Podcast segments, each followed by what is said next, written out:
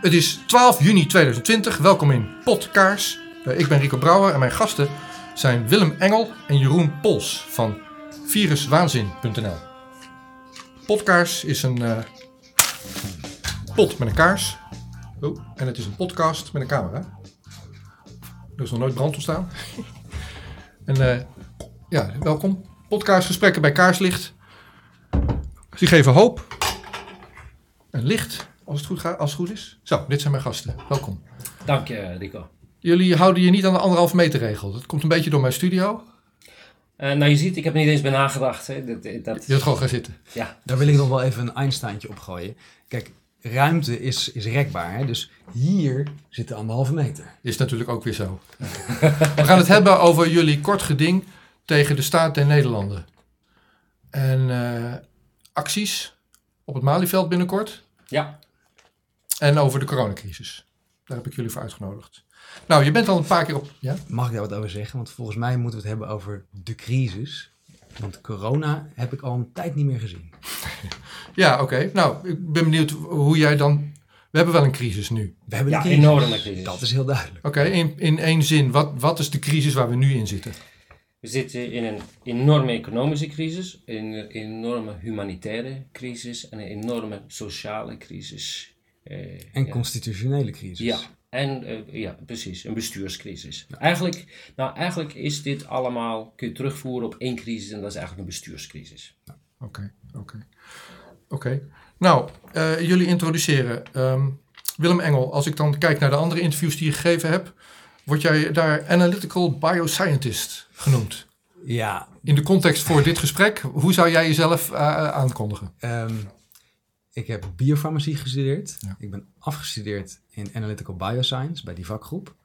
Daarna heb ik bij een biotechbedrijf gewerkt. En toen heb ik een promotieonderzoek gedaan in nanotechnologie, toegepaste nanotechnologie. Dus het, dat is eigenlijk heel breed. Ja. Dus hoe moet je dat noemen? Ja, analytisch chemicus mag, nanotechnoloog mag, uh, biofarmaceut mag. Waarom ben jij betrokken, of nou, eerst vragen, ben jij de initiatiefnemer van die kort geding? Um, het kort geding is denk ik het meest het initiatief geweest van Jeroen. Okay. Uh, die was daar een tijdje mee bezig en die stromen gingen parallel. Ik was nog helemaal niet met het idee van een kort geding bezig. Ik was bezig met, er kloppen hier dingen niet. En maar wel vanuit... was nog helemaal niet duidelijk. Maar ik begon die stukjes aan elkaar te doen en ik hoorde wat er in de media of van, vanuit uh, uh, de overheid werd gezegd. En ik begon steeds argwanender ernaar te kijken van, huh, maar die puzzelstukjes die passen niet op die manier die jullie zeggen. Ja. Ik maak een hele andere puzzel. En toen ik daar uh, uh, via een gezamenlijk contact uh, over sprak, toen kwamen we elkaar tegen. En hij had eigenlijk dezelfde puzzelstukjes op dezelfde manier gelegd. En dat was het moment dat we dachten, oh, wacht eventjes. Ja. Er is hier iets anders aan de hand. Ja, ik, ik, vraag het omdat ja, ik heb uh, anderhalf jaar op een hogere laboratoriumschool gewerkt. Of uh, uh, gezeten vroeger, dat was mijn eerste HBO-opleiding. Maar jij hebt verstand van zaken. Je doet het ook vanuit je opleiding. Hier, je hebt hiervoor doorgeleerd. Ik heb hiervoor doorgeleerd, ja. Ja, voor, de, voor wat er nu aan de hand is met, met, met een, een, ja. een, nieuw virus. Of ja, en dan kan je zeggen, wie heeft hiervoor doorgeleerd? Er is geen opleiding voor, hè? Want omdat het zo breed is. Het heeft met beleid te maken, het heeft met hu humanistiek te maken, ja. met ethiek te maken, met recht te maken, maar ook met virologie, ook met okay. epidemiologie, ook met immunologie, ook met aerosolen. Dus het is, het is een super breed probleem dat we dus ook niet met één discipline kunnen oplossen. Nee. Niet met alleen maar virologen, niet met alleen maar medici. Maar, misschien ook wel met juristen en daarom ben jij hier ook. Ja. Want jullie gaan aan de rechter vragen van, hey, het gaat niet goed in Nederland, uh, doe daar wat aan. Um, Jeroen Pols, jij bent jurist. Ja, klopt. Ik ben al een jaar of 17 uh, ben ik, uh, werk ik als jurist. Ik procedeer hoofdzakelijk tegen de overheid de afgelopen 17 jaar. De afgelopen hoe werkt dat dan? Is dat een specialisatie of is dat, hoe, waarom doe je dat? nou, dat doe ik omdat, dat is vaak geen keus. De, kijk, de afgelopen 17 jaar zie je een ontwikkeling die in Nederland gaande is. Dat gaat heel geleidelijk. Hè. Er wordt steeds een beetje afgeknaagd aan rechten. En wat ik de afgelopen jaren vooral sterk gezien heb, is dat we eigenlijk een overheid hebben nu die vindt het naleven van regels door de bevolking Eh, dat is topprioriteit. Hè. Je, je weet, als je op de autobaan uh, twee kilometer hard rijdt, krijg je een boete. Maar aan de andere kant zie ik dus een overheid die zelf zegt: Nou ja, die regels zijn wel leuk, maar niet voor ons. Hè, dat is meer iets eh, voor de burgers. Dus dat is ook de reden dat ik zoveel procedeer. En vooral in verband met, ik heb jarenlang voor Fort Oranje ben ik aan het procederen.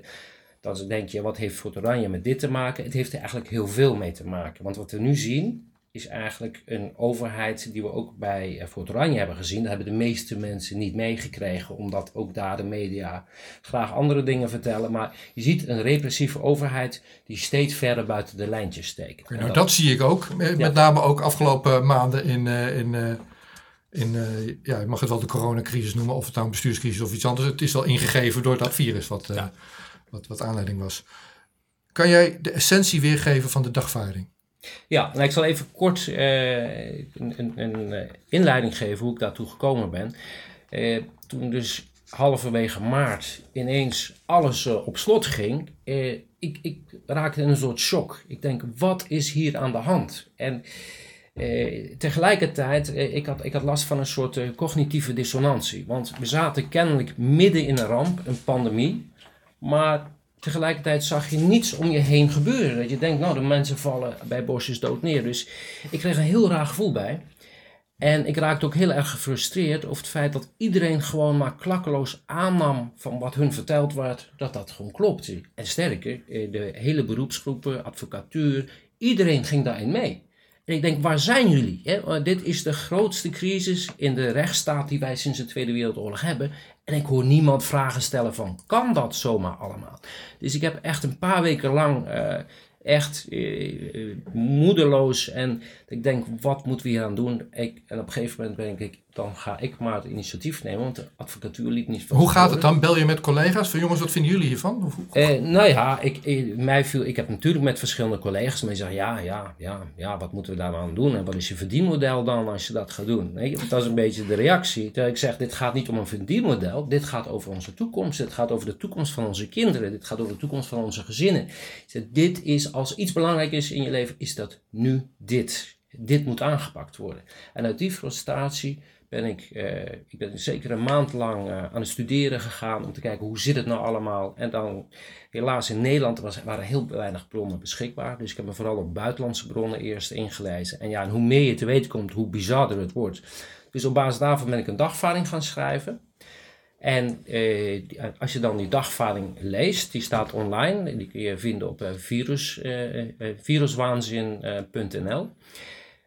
als je leest kan je zien dat eigenlijk alles mis is met dit beleid. dus dat is eh, van de manier waarop de besluiten genomen worden, uh, de, het beleid wat gevoerd wordt, wat natuurlijk een totaal zigzagbeleid is. Ene keer is dit het doel, andere keer is dat het doel. Dan ineens moeten we wachten op een vaccin, dan moeten we wachten op een app. Dus het is een, een, een, eh, een beleid wat maar één ding, één rode lijn heeft, één rode draad. En dat is dat onzekerheid wordt gecreëerd. Mensen worden in onzekerheid gehouden. Dat is eigenlijk de kern van het beleid.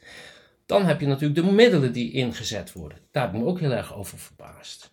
Want de middelen die nu ingezet worden. Eh, dus vorig jaar is er een onderzoek uitgekomen, dat is uitgevoerd eh, door de WHO. En dat is een meta-onderzoek van alle onderzoeken die beschikbaar zijn. En dan komen ze tot de conclusies, dat zijn precies de maatregelen waar wij nu mee te maken hebben. Die worden als volstrekt onethisch en eigenlijk in alle situaties afgeraden. Zoals de social distancing als ik hier mijn hond uitlaat in het park en ik loop te dicht bij lang, mensen langs, dan nog steeds op vandaag ook ja. uh, kijken ze je een beetje boos aan van hé, hey, kan je niet afstand houden? Nou, dat is precies eh, waarom dit soort maatregelen eigenlijk echt afgeraden worden. Omdat het brengt zo'n ongelooflijke sociale schade, maar ook het brengt ook conflicten met zich mee. Hè? Want je speelt eigenlijk een bevolking helemaal tegen elkaar uit.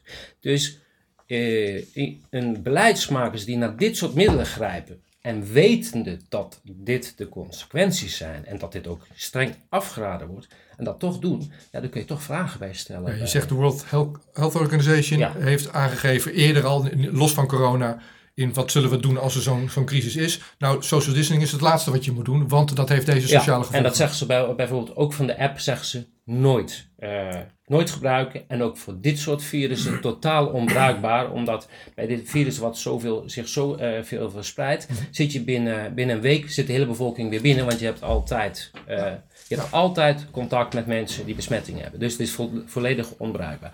Goed, dat is dus de middelen. Dan hebben we natuurlijk eh, het beginsel van subsidiariteit. Dat betekent, als jij als beleidsmaker eh, een probleem wil oplossen, moet je dus eh, verschillende scenario's gaan maken. En welke middelen staan mij ter beschikking? En dan moet je voor de meest en voor de minst ingrijpende middel kiezen. En als je nu kijkt wat je hier ziet, ze hebben er voor de hardste, keihardste destructieve middelen gekozen, terwijl er gewoon een hele hoop alternatieven waren. Dat hebben we ook gezien in Zweden. die hebben niemand gedwongen, die hebben geen straffen uitgedeeld, die hebben eh, de, de bevolking niet gedisciplineerd met allemaal bedreigingen. Nee, die hebben gewoon adviezen gegeven en een aantal uh, grotere maatregelen, dus bijvoorbeeld grote bijeenkomsten voorkomen. That's it. Alles is doorgedraaid. Maar nu grijp je terug op de maatregelen zoals ze bij aanvang in maart genomen zijn in Nederland. Precies, Inmiddels zijn ze een beetje teruggeschaald. Maar daar neem je geen genoegen mee, want in die dagvaarding ja, schort ze allemaal op. Hou, hou, op met die maatregelen, want er is geen reden meer. Ja, ik vind het leuk dat je het zegt, want dat is natuurlijk inderdaad de indruk die gewekt wordt, dat er afgeschaald wordt. Maar kijk eens naar de praktijk. We zijn net bij Laplace even koffie wezen drinken. Nou, ik ben al een hele tijd niet in dit soort dingen geweest, maar ik ben gewoon volkomen geschokt. En vooral dat iedereen daaraan meedoet. We, we, moesten daar in de rij gaan staan. Eh, moesten we vragen beantwoorden. Zijn we ziek? We moesten onze handen ontsmetten. En ons werd medegedeeld, we mogen absoluut niet vergaderen, alleen maar even eten. En dan kom je het restaurant binnen. En dan is de helft is afgesperd met rode draden. We moeten anderhalve meter afstand houden dit is allemaal op ingericht op één ding, op bedrijven ten gronde richten. Hoe kan jij een gezond bedrijf op deze manier eh, laten functioneren? Dat, dat werkt niet. Dus eh, het idee dat het afgeschaald wordt en dat we naar een uitgang gaan, dat is volkomen onterecht. Nou, sterker nog, we gaan, ik wil je ook vragen zo meteen uh, in te gaan op uh, de wet die dan zo meteen ja. legitimatie moet geven aan de noodmaatregelen waar we nu onder leven. Uh, maar er zijn twee dingen. We hebben nu de, de crisismaatregelen, laat ik het maar zo noemen. Dat zijn de noodvorderingen. Ja, en dan daarna zal, eh, is, is, is ne Nederland voornemens dat in wet vast te leggen. Ja, ik zal eerst even dus de dagvaarding even de Nou, even één ja. seconde, want uh, je refereerde net aan het appje, daarom pakte ik dit Ja, precies. Dit is een Android-telefoon, dus is een Google-ding, zeg maar. Hier zit inmiddels al een app in. Ja. Dus als Google heeft met zijn operating system updates meegegeven, corona-update. Hetzelfde geldt voor Apple. In de voorwaarden van die app staat, hij doet het alleen op het moment dat je locatiegegevens aanzet. Ja. Maar we gaan ze niet gebruiken. Nee, nee maar daar, daar zit iets heel raars. De app is er al. Eh, daar, daar, daar, daar zit iets heel raars gebeurd daar. Want ook als je namelijk die tijdelijke wet COVID-19, die nu door de Kamer geloodst moet worden, gaat kijken, dan staat er over die app, een, uh, daar is dan specifiek eh, één uh, lid van het artikel zegt, het is ten strengste verboden om de data die verzameld worden te gebruiken voor een ander doel dan waarvoor die verzameld is. En dat is een hele rare opmerking om dat in een wet op te nemen, want we hebben namelijk al de AVG, die verbiedt dat gewoon eh, bij voorbaat. Dit zijn medische gegevens, die hoor je sowieso, die mag je sowieso niet delen. Maar dat, dat geeft te denken dat de wetgever vindt dat je daar nog een apart artikel voor moet maken. Want dat geeft ook, hè, want de AVG hebben ze natuurlijk de afgelopen jaren, die was voor iedereen belangrijk, behalve voor de overheid, want ze hebben werkelijk elk onderdeel van die AVG okay, terzijde geschoven. Je, uh, we hebben nu die. Oh, wacht, ik moet even terug naar mezelf. Zo. We hebben nu die uh, tijdelijke maatregelen. Die, men, men, is voornemens dat vast te leggen in de wet. Dat ja. gaat naar de Eerste Tweede Kamer.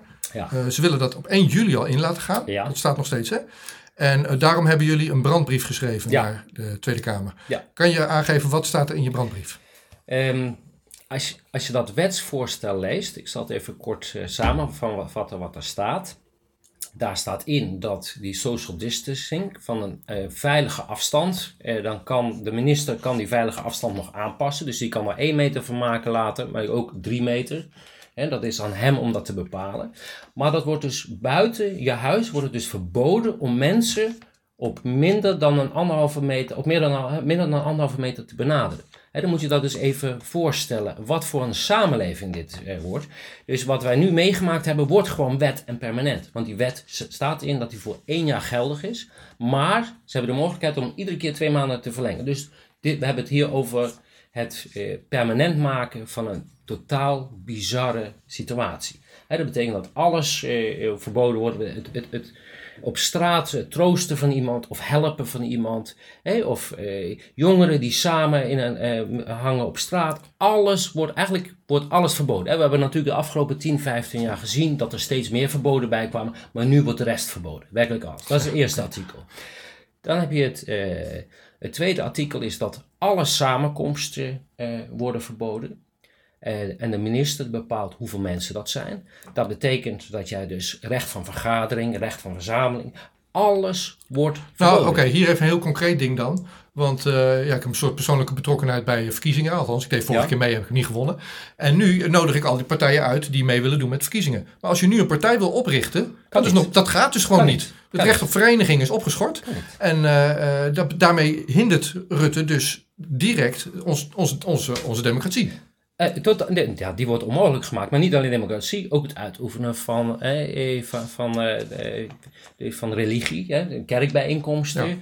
Alles wordt verboden. Daarnaast heb je nog een, een, volgende artikel is, de minister die kan dus zelf bepalen welke inrichtingen niet meer open mogen of gesloten worden. Dat betekent hij kan hele branches, kan hij gewoon op zijn goed vinden wat hij denkt, nou vandaag ga ik die branche sluiten. Die worden gewoon gesloten. Die, die wet geeft die bevoegdheid nou, even, oké, tot, tot zover dat. Want als het erg genoeg is, ja, dan is daar misschien ook wel een punt voor te maken. Wat ik hier in interviews dan zeg is, uh, als het voortbestaan van je soort op het spel staat, dan moet je ook vergaande maatregelen nemen. Ben ik helemaal mee eens. En dan zal ook niemand, nou sterker, je hebt dan helemaal geen dwangmaatregelen nodig. Als hier morgen ebola uitbreekt, ik kruip ook onder mijn bed en ik wacht tot het weg is.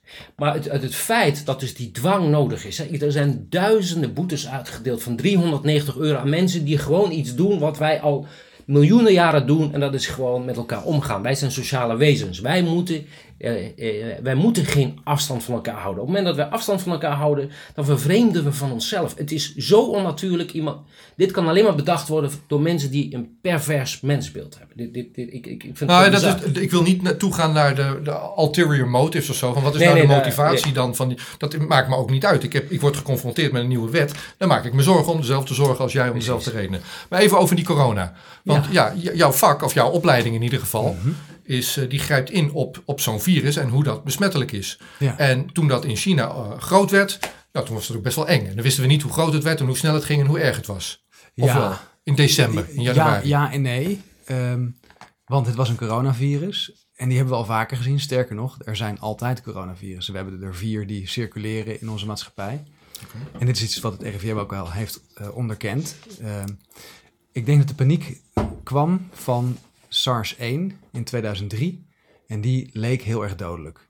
Die is ingedampt en daar is denk ik ook het hele containment systeem vandaan gekomen. Op het moment dat zo'n verspreiding nog heel klein is, kan je bepaalde maatregelen nemen om het in te dammen. Op het moment dat het internationaal is, is dat geen, ik herhaal, geen beleidskeuze meer.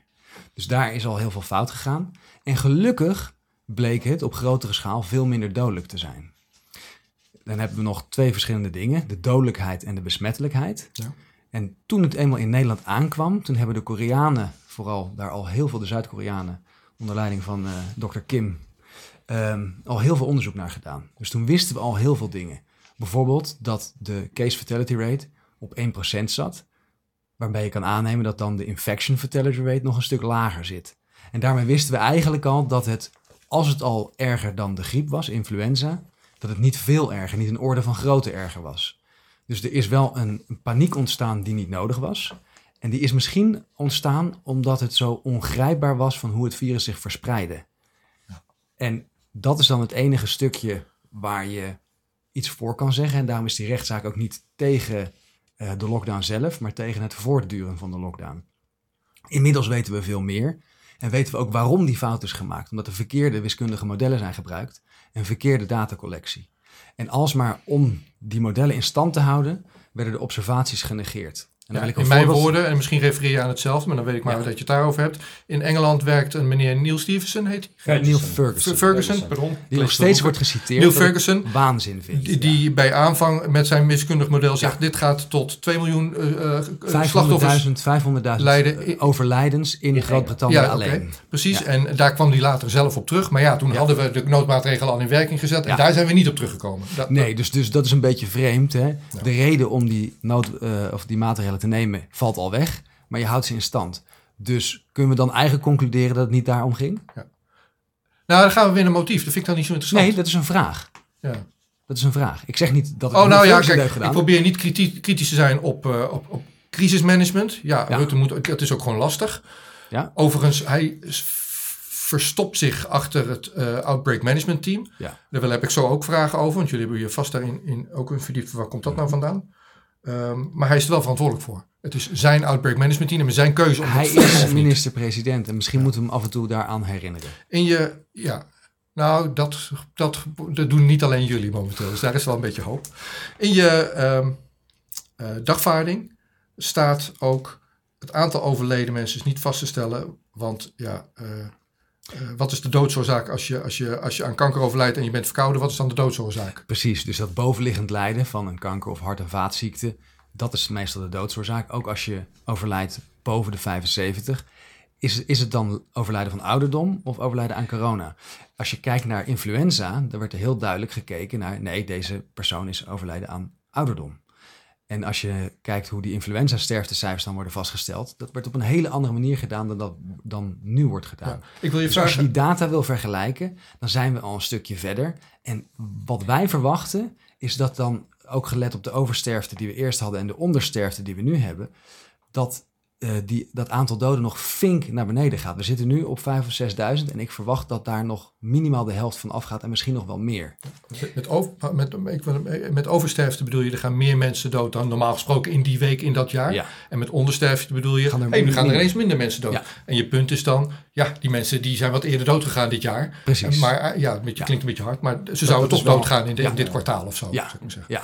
ik heb daar een plaatje van, daar wil ik je vragen op te reageren. Dat zie je daar. Ja. Dit is uh, per week. Heb ik de Centraal Bureau van de Statistiek uh, uitgelezen. Van hoeveel mensen gaan er nou dood in die week in Nederland gemiddeld. En zo zie je griepgolven. Aan de linkerkant zie je dat zo van 2016. Nou, er was best een grote eind 2017, 2018, die zit midden. Ja. En dan aan de rechterkant heb je corona.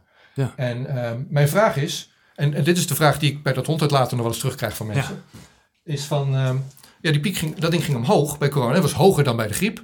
En toen ging die weer omlaag. Maar ging die nou niet omlaag omdat we al die maatregelen hadden genomen dan? Ja, dat is dus uh, de, altijd de, de redenatie van correlatie en causaliteit.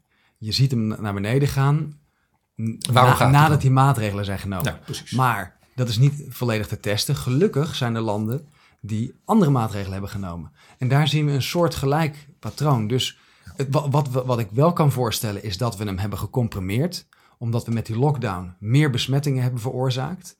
Dus niet per se het aantal slachtoffers is, eh, is hoger geworden, maar wel de piekbelasting per week. We hebben het gecomprimeerd en dat is wat je in het plaatje ziet. Die piek die is hoger, maar als je kijkt naar de area under the curve, dus hoeveel mensen zijn er in totaal dood gegaan, dan is dat heel erg vergelijkbaar en zelfs nog iets lager dan 2018. Dan bij zo'n griep, ja, precies. Oké, top.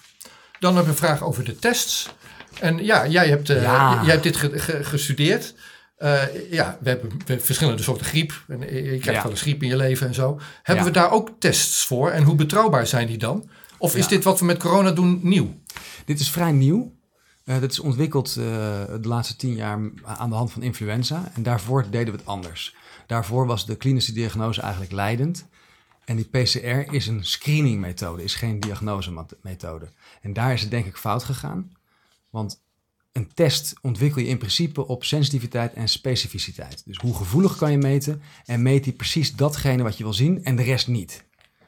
Um, hij is heel gevoelig en hij is redelijk specifiek, maar nu blijkt, wat we eigenlijk al een beetje hadden voorspeld, is dat hij niet specifiek genoeg is. Dus dat er heel veel andere coronavirussen ook op reageren. Dus dat er heel veel positieve testen niet zoveel te maken hebben met dit huidige virus. Um, Daarbij heb je ook nog eens, omdat je zo specifiek kijkt, niet gekeken naar, hadden die mensen misschien ook wel influenza? Want als je kijkt naar het ziektebeeld en dus de klinische diagnose stelt, dan zie je dat de symptomen heel erg overeenkomen. Sterker nog, ook als je kijkt naar het na het herstel, dat heel veel mensen uh, kampen met grote vermoeidheid. Dit is typisch een syndroom wat we al bij influenza hebben waargenomen. En het kan zijn dat ze hetzelfde reageren, dat ze heel erg op elkaar lijken. Maar het kan ook zijn dat we heel veel mensen verkeerd gediagnosticeerd hebben, die eigenlijk influenza hebben. En die hebben we onder het kopje corona gezet. Maar nu komt het ergste.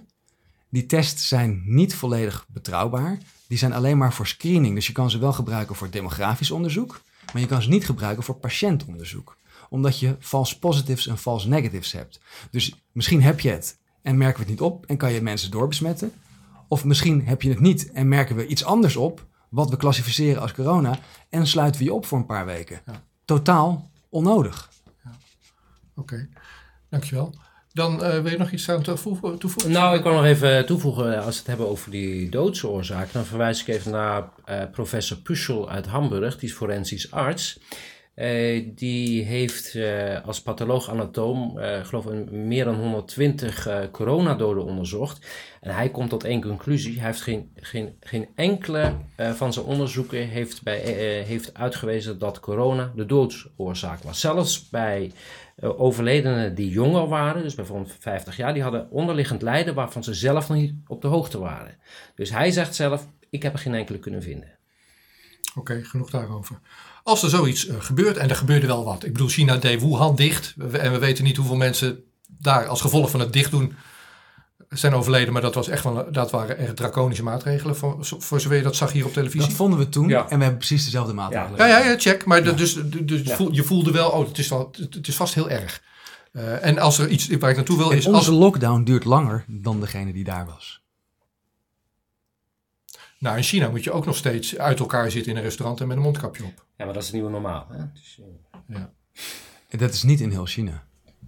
Dat weet, dat weet ik niet. Weet dat je weet ik wel, Oké. ja. Okay. Het, um... Oh, dat is dan wel wel apart. De rest van de wereld wel, zeg maar.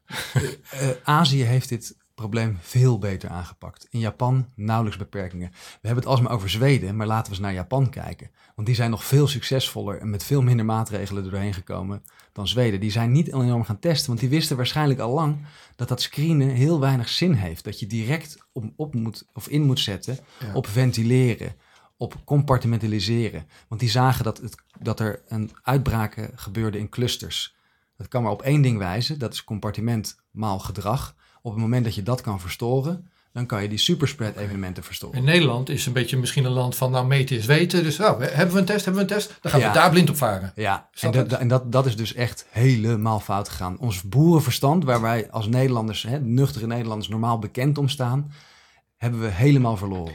Nou ja, nou, we vinden zelf dat we er bekend om staan. Misschien ik, is dat het ook. Ik, ik vind het mooi dat je zegt over meten is weten en uh, testen. Maar als we dan kijken wat, wat we in het begin deden. Uh, toen hebben we verboden voor verpleegpersoneel en die in de ziekenhuizen werkten, eh, om die te testen. En daar zijn juist de grootste verspreidingen ontstaan. Dus juist de groep die het zwakste was, hebben het minste beschermd. Overigens, uh, niet heel Nederland doet dat uh, vervelend. Ik bedoel, ik heb ook de interviews gezien van uh, Maurice de Honte, die zelf is gaan onderzoeken en die daar ook verslag van heeft gedaan. Ik begrijp ook, die heeft aansluiting bij jullie of jullie bij hem? Ja. werkt samen? Ja, we werken dus samen met een hele grote groep. Want niet alleen Maurice de Honte heeft, heeft zich aangesloten, maar ook Rob Elens, de bekende huisarts van ja. de HCQ-verhalen. En daar is het laatste woord nog niet over gezegd, want nu wordt er net weer gedaan of het toch schadelijk is. Dat is niet waar. Ik wil nog eens een keer herhalen. Wat in de eerste lijn wordt gebruikt in combinatie met zink en wat in de tweede lijn wordt gebruikt zonder zink, is een ander behandelprotocol, ander ziektebeeld. Dus die hebben niets met elkaar te maken. Het stomme is. Daarbij hebben we ook nog Michaela Schippers. Dus de coalitie wordt steeds, steeds breder. Ja. En die gaat vanavond het hebben over de andere schade, die veel groter is. Dus niet de corona, want dat is de pinhole waardoor we kijken. Maar juist door die enorme schade, en we willen daarbij inzoomen op wat er nu gebeurt, de gijzeling van duizenden oudere mensen, die, staan, die eigenlijk aan het wegkwijnen zijn, die, die massaal eigenlijk al dood willen, die suicidaal zijn. En dat zouden dan de mensen zijn waarvoor we al deze maatregelen nemen. Je, je, noemt nu snel een paar dingen. Even, even dit, dit, afmaken. Die is vanavond te zien op Nederlandse televisie? Ja, op één is het. Bij op één, dankjewel. Ja. Um, even over HCQ. Ja, het stomme is, niet alles is op de televisie.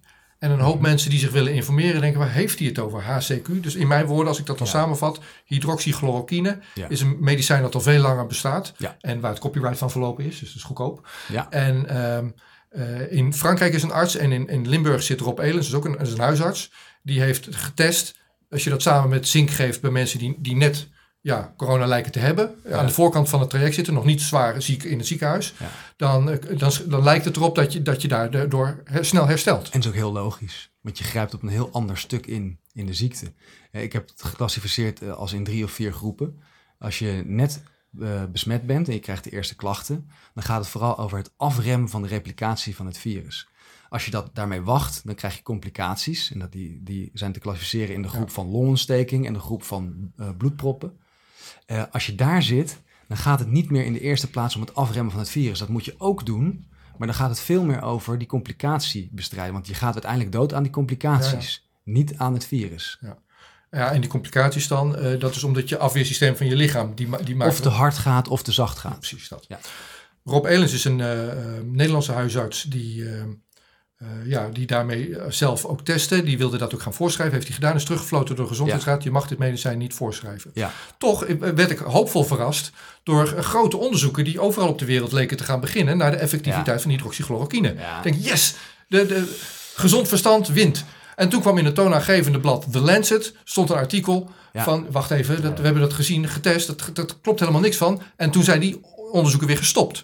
Ja, ik weet nog goed dat toen het artikel uitkwam, ik heb hem dezelfde dag gelezen, 10 minuten, grote rode streep erdoor, want op vier punten, en uiteindelijk heb ik nog een vijfde punt gevonden, heb ik het gelijk afgeschoten.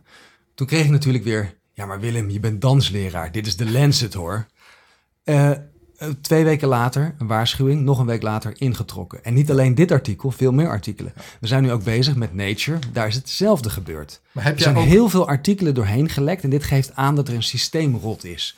De heilige huisjes zijn niet heilig. Heb jij een beeld met je onderzoek kunnen maken waarom de Lancet dit, dit stuk, dit slechte stuk, dit stuk is geschreven door een dit is, niet, niet, niet gerenommeerde organisatie op een superbelangrijk wereldwijd dossier. Ja. En, en op basis daarvan wordt een heel belangrijk onderzoek gestaakt. Hoe is het in de Lancet gekomen? Uh, nou, de hoofdredacteur heeft al toegegeven dat hij helemaal een fout heeft gemaakt. Ik weet niet of zijn financiële uh, gegevens uh, worden nagetrokken. Ik hoop dat dat wel gebeurt. Follow the money, dat is ja, wat je zegt. Het is altijd follow the money. En wat, waar het op lijkt, is dat er een bedrijfje is geweest die dan zijn medicijn graag wilde pushen en daarmee onderzoeken heeft vervalst. Dus de lens gaat niet over slecht onderzoek, gaat echt over fraude. Dit doet mij denken, dit gaat, ik wil een voorbeeldje maken, dat is, dat is het enige, we hoeven daar niet op in te gaan. Maar in, in, uh, in Syrië zou een gifgasaanval gebruikt, plaatsgevonden hebben in Douma. Met, uh, met chlorine. En uh, de, het orgaan van de Verenigde Naties die dat onderzoekt, die is daar geweest. Nou, die onderzoekers hebben gezegd, ja, we vinden wel chlorine. Als je goed schoonmaakt, dan vind je dat ook. Dus op zich is dat, toch staat in het rapport, ja, gifgas is gebruikt en, en, en chlorine. Dat is tot aan de Veiligheidsraad uh bestreden. En dat orgaan binnen de Verenigde Naties zit nu nog steeds ruzie te maken, zeg maar. Mhm. Van is het nou wel of niet uh, er zijn klokkenluiders. Nu hebben we de Lancet, waar een raar stuk. Niet alleen de Lancet, de WHO, het RIVM en Nature. Ze zijn allemaal verdacht. En ik roep ook iedereen op om alles wat daar, daar nog uit voortkomt aan informatie heel kritisch te bekijken. En dat klinkt heel zwaar en ik wil niet beschuldigen. Ik zeg niet dat er mensen schuldig zijn aan verkeerde dingen. Maar er is iets heel grondig mis aan de informatiestroom. En dat is wat we noemen de systeemrot. Kennelijk in een crisissituatie wordt er zoveel informatie doorheen geduwd dat, dat het kritisch bekijken uh, stopt. Er wordt gedacht van Nature, oké, is betrouwbaar. WHO, oké, is betrouwbaar. Maar dit is dus niet zo. We moeten altijd de informatie wegen op zichzelf en niet gaan kijken naar wie de boodschapper is. Hier hebben we te maken in Nederland, binnen onze landsgrenzen, hebben we te maken met het RIVM. Ja. En uh, bij geval van een grote calamiteit, een grote virusuitbraak, een pandemie, ja. uh, daar hebben we, hebben we in wet al eerder vastgelegd, dan kan de minister... Dat is, dat is, leuk dat je dat zegt, want dit is geen pandemie. Dit is het nooit geweest. Hè? Dat hebben we ervan gemaakt. Maar het is een epidemie. En dat wil ik ook nog eventjes vaststellen. Die epidemie is tot pandemie uitgeroepen door het WHO en daardoor door de onderliggende organisaties zoals het RIVM. Ja. Maar als je kijkt naar wat een pandemie is, dan klassificeert dit niet als een pandemie. Ja, nee, als ik het even op mag aanhaken. Eh, de definitie van een pandemie is, ik meen, in 2009 gewijzigd.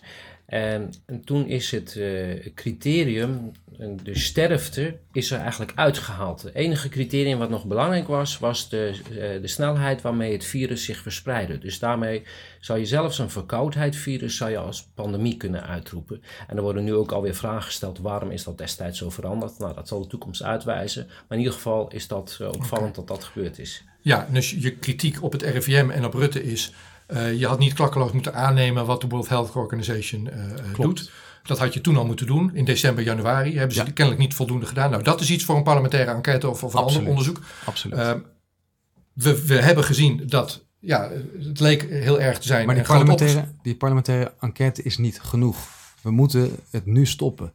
Als je kijkt naar, ik sprak net een psycholoog die in een zorgtehuis werkt. En die kon mij vertellen dat ze eigenlijk veel meer had willen doen en veel meer van de maatregelen niet had willen volgen. Omdat zij werkt met die mensen en ze zag dat het heel slecht is. Je, we, we hebben ze in dat zorgtehuis gezet om ervoor te zorgen. Niet om ze aan hun lot over te laten en op te sluiten en af te sluiten van hun familie. Dus waar zij mee zat, is dat ze het zag gebeuren, het anders wilde doen, maar niet in de gelegenheid werd gesteld omdat ze geblokkeerd werd door de protocollen die door het RIVM werden voorgeschreven. En dit moet direct stoppen. Vandaar ook het kort geding wat je gestart bent. Ja. Even, nou, dat nou ja, ik kan het ook persoonlijk maken. Mijn schoonzus is overleden in de coronacrisis aan kanker. Uh, ja, je kan zo iemand dus niet meer opzoeken, want je bent bang voor het coronavirus. Dus dat hebben we dan maar niet gedaan. Ze gaat dood. Vervolgens is de uitvaart. Directe familie mag er wel bij zijn. Maar de vrienden mogen niet naar binnen. Dat, heeft, dat neem ik Rutte persoonlijk kwalijk, zeg maar. Dat snap ik. En, en, en, dat, en het RIVM, daardoor laat hij zich adviseren. Nou wil ik terug naar het interview, als ik mag. Uh, bij zo'n calamiteit, of het nou een pandemie is of een, een epidemie, of hoe je het ook maar noemt. We hebben in de wet vastgelegd als het erg is en de minister schat dat zo in, dan kan die de directeur van het RIVM vragen een outbreak management team bij elkaar te roepen. Dat heeft hij gedaan. Onderdeel van de wet is dat de notulen van het outbreak management team geheim zijn. Dat lijkt mij heel erg slecht. Dit hebben we in, gaan wij niet mee akkoord. Nee, dat zal wel niet. Maar die wet was er al toen er nog geen stress was. Dus de Tweede Kamer is daar wel mee akkoord gegaan. Nou ja, we moeten onderzoeken hoe die wet tot stand is gekomen. Want daar zit een, een, een dwaling van, van beleid. Ja.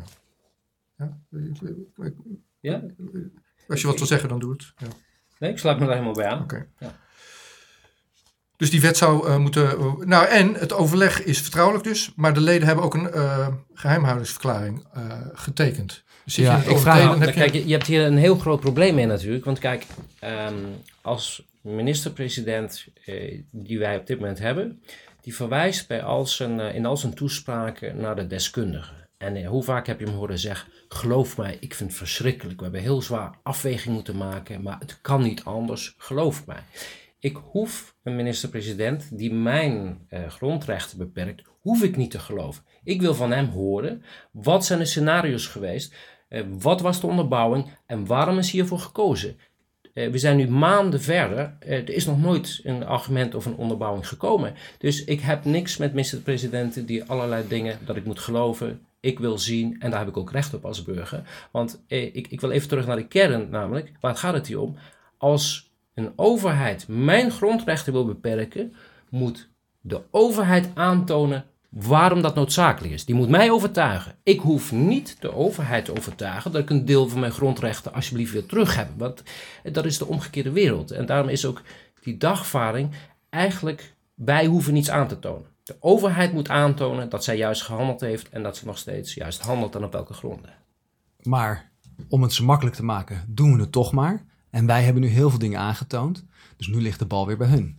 Nu moeten zij aantonen waar wij fout zitten. En ik wens ze daar heel veel succes bij.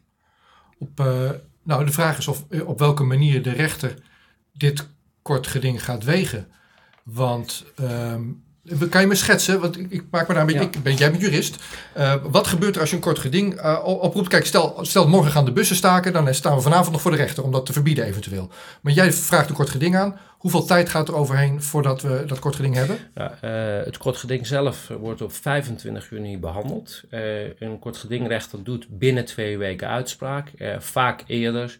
Kan ook soms zijn dat hij een voorlopige uitspraak doet. In dit geval, eigenlijk, ja, ik vind het heel spoedeisend het valt me, ik, ik vind het ook opvallend dat er zo'n lange termijn is genomen, want iedere dag loopt de schade en het leed verder op. En faillissementen aan mensen? Het, het is verschrikkelijk. Het leed wat er nu plaatsvindt, dat zullen we pas later echt goed overzicht hebben. Maar als je ziet wat bij ons binnenkomt aan leed, het is hartverscheurend. Mensen lijden en mensen roepen: help ons, doe iets. Maar, maar dat is gek, hè?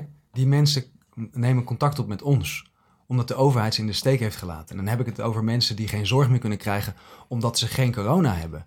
Hè, laatst nog een verhaal van iemand die in, in Gooi Noord ligt met een gescheurde aorta. Die mag niet geopereerd worden omdat de intensive care vrij wordt gehouden voor coronapatiënten die er niet zijn. Hoe gek moet het worden? Nou, dat is misdadig. Hè? Het is verwijtbaar. Uh, Absoluut. Ja. Maar terugkomen op je vraag. wat gaat de rechter doen? wij hebben in een dagvaring, hebben, kijk wat het laatste punt wat ik nog net niet behandeld was, is namelijk de proportionaliteit. Nou, in principe van die dagvaarding, 10% daarvan zal voldoende zijn van rechten om te zeggen: dit kan absoluut niet. De, er is geen enkele verhouding in uh, de, de, uh, de, de, maatregelen uh, die, en het doel wat je probeert te bereiken en de gevolgen. Want de, de collaterale schade waar we nu over hebben, het is immens. Het is onvoorstelbaar. Er zijn verschillende onderzoeken, die, eh, die ken je waarschijnlijk ook. De Koepta heeft er onderzoek gedaan. Ook eh, mevrouw Schippers, hè, hoogleraar psychologie. Eh, die komen met, met echt schokkende uitkomsten van hun onderzoeken eh, waarschijnlijk dat door de maatregelen, door het verschuiven van honderdduizenden van medische behandelingen, zijn waarschijnlijk duizenden tot tienduizenden mensen die vroeger overlijden dan ze hadden moeten overlijden. Dus we, aan de ene kant schatten ze dat we, ik meen iets van 10 tot 15.000 mensen jaren eh, gered zouden hebben. Maar de schattingen gaan tot 400.000 mensenjaren die we hierdoor verloren zijn. En dan hebben we nog niet over alle andere leed wat is aangericht. Dus Eigenlijk kan daar helemaal geen discussie over bestaan en is er maar één oplossing. Dat moet nu stoppen. Op je, in je dag, dagvaarding staat een stukje over de informatievoorziening. Daar wil ik je uh, vragen toelichting op te geven. Ik, lees het op. De wijze waarop de informatievoorziening en verslaggeving door de mainstream media, maar ook andere bronnen van digitale informatie zoals YouTube, Facebook, WhatsApp, Google, Twitter en andere influencers plaatsvindt, heeft een cruciale rol gespeeld in het verloop van de COVID-19-crisis. Informatievoorziening kenmerkt zich door niet eerder vertonen monopolisering van overheidsstandpunten. Jullie hebben een uh, kort geding, zijn jullie gestart? Hoe is de belang, belangstelling van podcasts zoals deze, de, de mainstream media, de, de niet-mainstream media? En hoe is de belangstelling vanuit Hilversum, zou ik maar zeggen? Ja, het is opvallend dat we echt enorm veel belangstelling van de mainstream media hebben. Uh, en dat we eigenlijk elke dag wel interviews geven. Uh, en dat is fijn, want jullie geven ons echt een, een, podium waarop we ons geluid kunnen laten horen. En het wordt ook super positief opgevat. We krijgen echt duizenden e-mails en berichten binnen per dag. Het is bijna niet meer bol te werken en toch doen we het. Um, en dat, dat, dat steunt ons. En ik wil ook iedereen oproepen om ons te blijven steunen. Het is al in grote lijnen gedaan, dus we, uh, we weten nu al dat we hier nog een hele tijd mee, mee door kunnen gaan en mee door zullen gaan. Want het gaat ons niet om de schuldigen aan te wijzen, maar om de onderste steen boven te krijgen. En het stukje over de mainstream media. Ik merk dat Nieuwsuur en op één voorzichtig interesse hebben getoond. Bellen op, doen een intakegesprek. En de volgende dag bellen ze toch maar weer af. Dus ze, zijn nog aan het twijfelen, heb ik het gevoel, of ze ons wel dat podium moeten geven. Uh, en wij wachten af. Nou, je doet meer dan afwachten. Uh, sinds gisteren staat, in ieder geval op een Facebookgroep, iets over 21 juni. Zitten jullie achter de voorgenomen demonstratie op het Malieveld? Ja, wij bekennen. Daar zitten wij achter. nou ja, ik heb daar twee vragen over. Sowieso, uh, vertel wat je van plan bent. Maar uh, toen je die dagvaarding aan het schrijven was, was je toen dit ook al van plan? Of is dat, hoe, hoe, hoe ontstaat het plan voor een demonstratie? Het ontstaan na, denk ik, de uitzending bij eerst Jort Kelder en toen bij Weltschmerz. Dat we merkten van, hé, hey, wij zijn niet gek. Heel veel mensen hebben dit gevoel. Heel veel mensen voelen zich ongehoord. Heel veel mensen voelen zich niet serieus genomen. Heel veel mensen hebben het gevoel dat hun vrijheid en hun verantwoordelijkheid is afgepakt. En daar gaat deze demonstratie over. Wij willen demonstreren dat wij vrij zijn. De overheid heeft deze macht niet over ons. Dus we roepen iedereen op om mee te doen aan die demonstratie. Want dit is een viering van de vrijheid. Er uh, zijn kleine demonstraties uh, opgepakt. Ab Gieterlink die mag daar graag over vertellen in uh. Als hij met z'n dertigen voor het Centraal Station staat, dan moeten wordt die politiebusjes afge afgevoerd. Um, wat heb je toestemming? Hoe werkt dat met demonstratie aanvragen? Nou, ik wil dat wel even uitleggen. Ja. Ehm, wat nu gebeurt, het verbieden van demonstraties, kan helemaal niet. Hè. En dan zal ik even de juridische kant ervan toelichten de noodverordeningen op basis waarvan op dit moment onze grondrechten worden beperkt, die zijn niet toegelaten. Want met de noodverordening mag je namelijk geen inbreuk maken op grondrechten. wat je daarvoor nodig We hebben een andere wet, eh, dat noem je de Wet Bijzondere Bevoegdheden. Via die wet eh, kan je dus een noodtoestand uitroepen, maar je kan ook aparte maatregelen uitroepen. Die wet geeft wel de mogelijkheid om grondrechten te beperken, maar het recht op demonstratie is daarvan uitgesloten. Dat betekent, het recht van demonstratie mag nooit en te nimmer eh, beperkt worden, tenzij er sprake is van een aantal eh, wettelijk geregelde beperkingen. En dat is bijvoorbeeld, eh, als het gaat om de eh, volksgezondheid, moet dat noodzakelijk zijn voor bescherming van de volksgezondheid. Nou, die noodzaak wordt op dit moment met een automatisme aangenomen, waar ik zeg, nou, toon mij die noodzaak eerst maar aan en dan praten we verder. We hebben uh, vorige week geloof ik een demonstratie gezien in Amsterdam. Zij zeiden dat er 5000 mensen waren. Als je die beelden ziet, daar ik denk dat er eerder 40.000 mensen stonden dan 5000 mensen. En de, de, IC's liggen niet vol, de ziekenhuizen liggen niet vol. Dus waar zijn wij in godsnaam mee bezig? Dat is de vraag. Nou, een beetje. Kijk, dit, dit, deze uitzending heet Potkaars. Een pot met een kaars. Gesprek bij kaarslicht. Je kan zeggen romantisch. Nee, het is hoop en een klein bericht dat groot wordt. Een heel positief gevolg van die demonstratie in Amsterdam die doorging. Is dat we na de incubatietijd, wat is dat ongeveer van corona? Vijf à zes dagen. Vijf à zes dagen. Als het, als het al effect had gehad, dan hadden we het al lang gezien. Dan zouden we, kunnen dus concluderen, buiten is veilig. Onomstotelijk bewezen. Mensen, geen mondkapjes, geen afstand. Er is geen reden toe. Er is geen juridische grondslag voor. Er is geen effectieve grondslag voor. Er is geen wetenschappelijke grondslag voor. Ja, dat is dus positief. Dat is eh, super positief. Wij zijn vrij. Ja, nou zeker in je, in, in je hoofd. Maar ik ben benieuwd of dat op het Malieveld uh, 21 juni uh, ook zo is. Uh, ik, ik voorspel dat de ordehandhavers met ons mee zullen demonstreren. Nou, misschien zitten ze inmiddels ook wel um, op Facebook. En uh, hebben ze die petitie getekend? Ik, ik, uh, ja. Nou ja, wij hebben ons uh, specifiek ook gericht tot politiemensen, tot handhavers. Want wat deze mensen moeten beseffen, het gaat niet alleen om ons, het gaat ook om hun. Het gaat ook om hun kinderen. In wat voor wereld moeten die zometeen leven? En die politiemensen die op dat moment meewerken om demonstraties te verbieden, om mensen te verbaliseren, die moeten weten dat zij meewerken uh, om een, een, een samenleving te creëren waar je niet in wil leven. Hè? De, de, de, nieuwe normaal, de anderhalve meter samenleving. Dus dat moeten deze mensen zich goed realiseren. Daarom roepen we ze ook op, dit gaat ook over jou, dus ondersteun ons. Dus ik wil niet die tegenstelling, want het laatste wat we moeten hebben is die tegenstellingen. En die gaan er komen, dat mensen zullen enorm teleurgesteld zijn in de overheid als dus uitkomt dat het allemaal voor niks was. Maar wij roepen de mensen op, hè, ga, niet, ga je niet eh, eh, met, met, met wrokgevoelens en zo bezighouden, maar laten we zometeen positief samen, echt samenwerken. Niet het samen en de solidariteit die onze overheid de laatste maanden heeft ingebombardeerd, maar echte samenwerking en echte solidariteit. Want dit hebben we hard nodig om er straks weer bovenop te komen. 21 juni vier je de grondrechten vier je de vrijheid die we de afgelopen maanden niet gehad hebben, waarom, waar, waar je op staat dat die terugkomt. Is, vat ik het zo samen dan? Ja. Heb, nemen... Dan moet je dit soort dingen ook regelen. Hè? Ja. Mensen met gitaren. Dat gaan we zeker doen. Het wordt, het wordt een feest. 21 juni op het Malieveld om 1 uur. Ja, ik heb een Facebookpagina gezien, maar ga je, eh, dus dat moet wel even op andere plekken aangekondigd worden. Hoe kunnen mensen je helpen?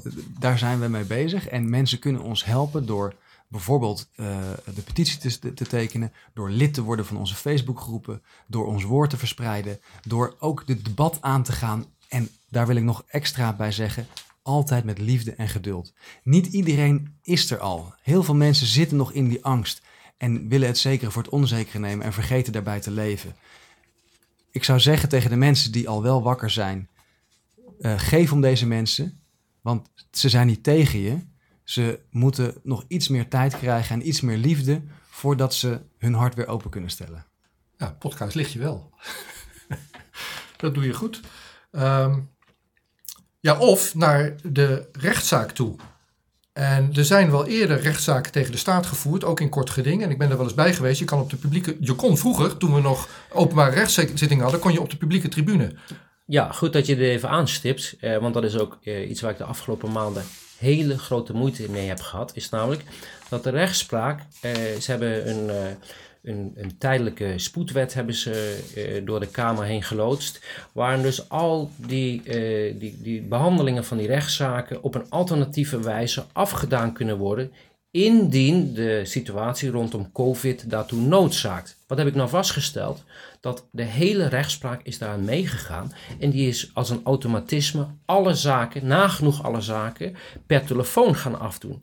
Ik heb dat geweigerd. Want dit is zo'n enorme uitholling van onze rechtsstaat. Ik, dus ik heb iedere keer als ze mij belden, heb ik gezegd: Nou, als u mij nou het noodzak aantoont, dan wil ik daar best in meegaan. Maar bent u dat niet toe bereid, dan doe ik daar niet aan mee. Maar het schokkende vind ik dus, en dat, en dat ik, als je kijkt ook naar de Raad van State, naar de hele rechtspraak. Eh, ook zelfs het Mensenrechtencomité kwam daarmee, de Orde van Advocaten. Als je dan hun adviezen ziet, zij nemen als narrative het feit dat er een probleem is en dat, uh, wij, uh, dat ze begrip hebben voor hoe er gehandeld wordt. Terwijl ik als jurist ga een stap eerder en dan zeg ik, toont u mij aan wat het probleem is en dat het probleem is. Maar dat gedeelte is dus door iedereen overgeslagen en gezegd: verschrikkelijk die situatie, we hebben te doen met onze, onze regering en ze hebben het tot nu toe prima opgepikt.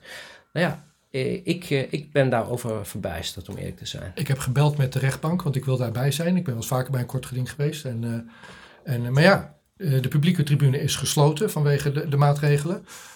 pers mag daar normaal gesproken ook bij zijn. Maar ja, die is dan beperkt tot drie. Nou ja, dat geeft dus te denken. En, en, de pers moet zich aanmelden. Dus ik heb gisteren gebeld en ik heb gezegd: Hi, ik ben van de pers. Ik doe namelijk podcast en ik wil daar graag bij zijn. Dus ik roep alle collega-journalisten op om toch maar vooral proberen bij die rechtszaak te zijn. En uh, kijken hoe dat, dan, uh, hoe, dat, hoe dat zich ontwikkelt. Ja, ik vind ook dat uh, de rechtspraak mag daar niet in meegaan. Dit is de basis van onze rechtsstaat, openbaarheid van recht. Hoe is jouw vertrouwen daarin dan? Want we gaan nu naar een afronding toe. Maar ja. je zegt net, ik vertrouw de mainstream media niet in zijn objectieve uh, verslaglegging. Je zegt. Het gaat niet over vertrouwen, het gaat over constateren dat de mainstream media. Uh, je stelt vast, oké, okay, andere woorden. Je stelt vast dat de mainstream media, de grote kanalen die in Hilversum met mijn belastinggeld uh, uitzenden, dat die niet adequaat verslag leggen van, van wat er hier ons overkomt. Wat je ook hebt gezegd in dit gesprek is dat overheidsorgaan, het RIVM en de minister-president, die ook van mijn belastinggeld wordt betaald, die doen ook hun werk niet goed. En dan zeg jij, nee, dat heb je nog niet hardop gezegd, maar dan ga ik het nu vragen. Hoe staat het dan met onze rechtspraak? Um, er zijn heel veel rechters die echt goed hun werk willen doen en, en ook echt daarmee bezig zijn. Maar wat ik de laatste tien jaar zie, is dat ook de rechtspraak niet ongevoelig is voor politieke druk en invloed. Eh, ik heb eh, een keer de moeite genomen om eh, te kijken wat is nou de kans in Den Haag om een zaak tegen de overheid te winnen. Die hangt van de rechter af. De ene is 10%, de andere is 15%. Dus die kansen zijn niet in ons voordeel. Maar ik, ik reken erop dat deze rechter zal begrijpen dat dit de belangrijkste vonnis in zijn leven is die hij gaat schrijven. Want dit gaat over onze toekomst. En dat biedt mij hoop, want het gaat niet alleen over ons, het gaat ook over de rechter en zijn kinderen en zijn kleinkinderen. Jullie doen dit in de context van uh, Nederland qua subsidiariteit. Nou ja, dat is onze, onze jurisdictie. We wonen hier in Nederland met elkaar. Heb je contact met vergelijkbare initiatieven in het buitenland? Ja, uh, in Duitsland is een hele sterke uh, beweging. Uh, die waren ook veel eerder dan Nederland actief. En die zijn ook enorm gegroeid. Dus wij hebben inmiddels contact gelegd eh, met een organisatie waarin eh, wetenschappers en artsen zich, eh, dat zijn duizend wetenschappers en artsen, die hebben zich verenigd in een vereniging. Woordvoerder daarvan is, dat, dat is hoogleraar professor Homburg van de Universiteit van Hannover. Hij is ook een van de eerste geweest die naar buiten is getreden en het beleid aan de kaak heeft gesteld. Hetgeen niet zonder risico was, want wetenschappers die dat gedaan hebben, die zijn stuk voor stuk afgebrand afgebrand. Hetgeen eh, eh, een, een, soort angstcultuur heeft doen ontstaan onder andere wetenschappers. Ze hebben dat wel gedaan. Zij zijn heel actief. Uh, de afgelopen weekend waren in Duitsland miljoenen mensen op straat. Daar hebben we hier niks van meegekregen. Maar er gebeurt een hoop. En ja, we hebben toch vertrouwen dat het uiteindelijk het recht zal zegevieren. Een van de vragen, we doen dit live en het blijft online ook als het live uitzending klaar is. Maar een van de vragen die via de online binnenkwam net is, ja, we hebben dus die rechtszaak op de 25e. Nou, misschien dat niet meteen 1 juli de, de, de opvolgende wet aangenomen is. Maar wat is de, wat, hoe acht je de kans dat de rechter zegt: wacht even, het is nog maar een paar dagen, gaat er een weekend overheen. Dus ik, ik doe geen vonnis, of ik doe, mijn vonnis is te laat, we worden ingehaald door de wet. En ik geef, geef meneer Pols geen antwoord. Nee, dat maakt niet uit. Uh, tenminste, het maakt niet uit. Dat is natuurlijk niet helemaal waar. Maar wij vragen dus in dat uh, kort geding ook om die wet buiten werking te stellen. Dus ook al zou die wet er komen, uh, de rechter heeft de mogelijkheid om te zeggen, nou deze wet uh, die is zo onrechtmatig, die gaan we niet meer toepassen. Dus daarmee is dat ook ondervangen, mocht dat, die wet toch voor die tijd actief, dus van kracht worden. Ik heb nog één vraag naar jou met je opleiding en, en je, je dossieronderzoek wat je de afgelopen maanden hebt gedaan, veel meer dan ik. Als ik toch onze minister van Volksgezondheid, Hugo de Jong, op televisie zie, dan hoor ik hem zeggen maar als er een vaccin is, dan, dan, is, dan is het opgelost. Dan, de vraag die ik heb, ik had de vraag nog niet gesteld, is: zijn er andere virussen, griepachtige virussen, coronavirussen, waar uh, met een vaccin zulke positieve resultaten zijn behaald? Want ik, ik zie wel dat we eens in het jaar een griepvaccin uitdelen, maar ik vraag me af hoe effectief is dat? Laten we dat als startpunt nemen. Er zijn griepvaccins maar als we kijken naar de effectiviteit daarvan, dan valt er nog wel wat op aan te merken. En corona en influenza zijn goed te vergelijken. Dus ik denk dat het een goede case study is om eerst eens die evaluatie goed te doen van influenzavaccins. En dan zie je dat vooral de ouderen en de zwakkeren eigenlijk heel weinig baat hebben bij die griepprik. Dus dan kan je afvragen van ja, maar wat is dan de, de efficacie of de effectiviteit van zo'n middel? Um, Misschien kan het wat toevoegen in het scala van gereedschappen die we hebben voor de gezondheid. Maar om nou in te zetten op het reddende middel, wat er nog niet is, ten eerste. Ten tweede, waar de veiligheid nog niet is aangetoond. Ten derde, waar de effectiviteit nog niet is aangetoond. Ten vierde, waar de efficacie, want we moeten eerst nog kijken, werkt het? En dan heeft het zin. Dus het zijn nog twee verschillende dingen. Nou ja, en, dus, wat ik vroeg is, heeft het bij vergelijkbare eerdere ziektes wel eens gewerkt? Maar dat is ook niet zo dus. daar is nog geen enkele zaak van te vinden. En daarmee wil ik niet zeggen dat het onzinnig is om die vaccins te ontwikkelen. Of om te kijken of het een optie zou kunnen zijn. Maar ik denk dat het beleidsmatig gezien een, echt een luchtkasteel is om, om iets in te zetten wat er niet is en wat we nu heel snel erdoor gaan drukken, terwijl er op dit moment geen crisis is. Dus dit, dit is echt een, een fabeltje waar we heel snel van af moeten. Oké, nou tot slot de laatste vraag. Waarom is de Tweede Kamer zo stil? Wordt hier gevraagd. Zijn ze stil? Wie heb je gehoord uit de Tweede Kamer? Mm, nou ja, er zijn wel uh, mensen bij uh, verschillende partijen vanuit de oppositie die uh, vragen stellen. Ik heb het gevoel dat het tot nu toe heel erg kijken was naar de publieke opinie en bewegen en politiek, politiek theater. En dat nu pas, nu, die, nu die, dat voorstel van de wet is ingeleverd die op 1 juli dan in werking zou treden, dat nu pas iedereen wakker wordt. En gisteren hadden we een een, uh, een overleg met uh, allemaal entertainment- en artiestenbureaus. En nu zijn ze eindelijk wakker. Hè, nu, nu, begint iedereen te realiseren: we kunnen dit niet overleven, zakelijk gezien. Ja. Nee, ik denk dat uh, deze wet maakt duidelijk, want we leven natuurlijk al maandenlang met een enorme onzekerheid. Ondernemers die niet weten waar ze aan toe zijn. En in plaats van de bevolking een uitzicht te geven dat het voorbij is, wordt het tegendeel gedaan de, deze situatie van onzekerheid wordt in een wet vastgelegd en permanent gemaakt.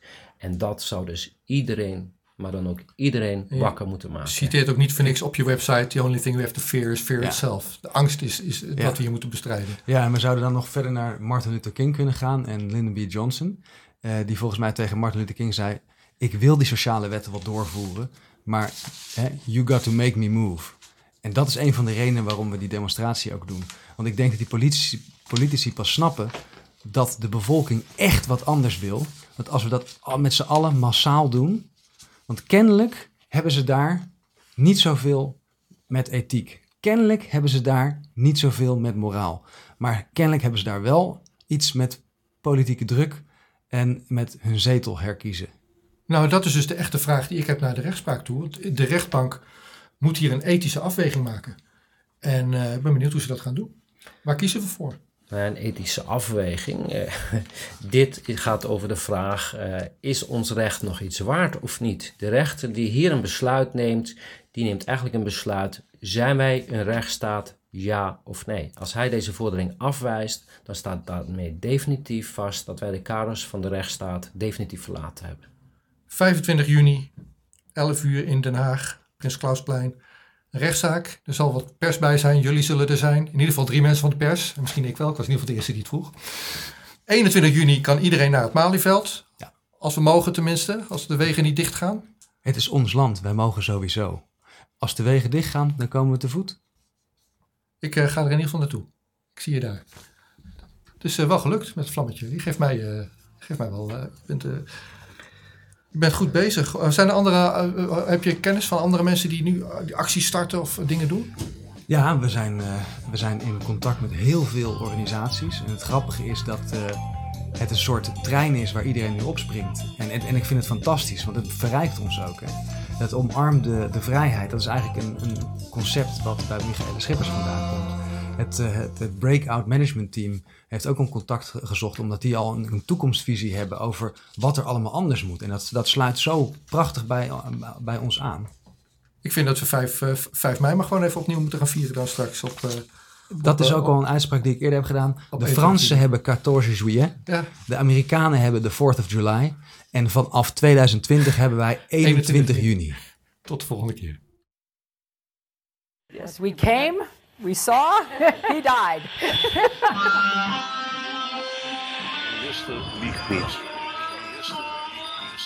Every nation in every region now has a decision to make. Decision to make. You think I'm joking? Predator drones. You will never see it coming. Laat staan dat ik uh, kan ingaan over vuur.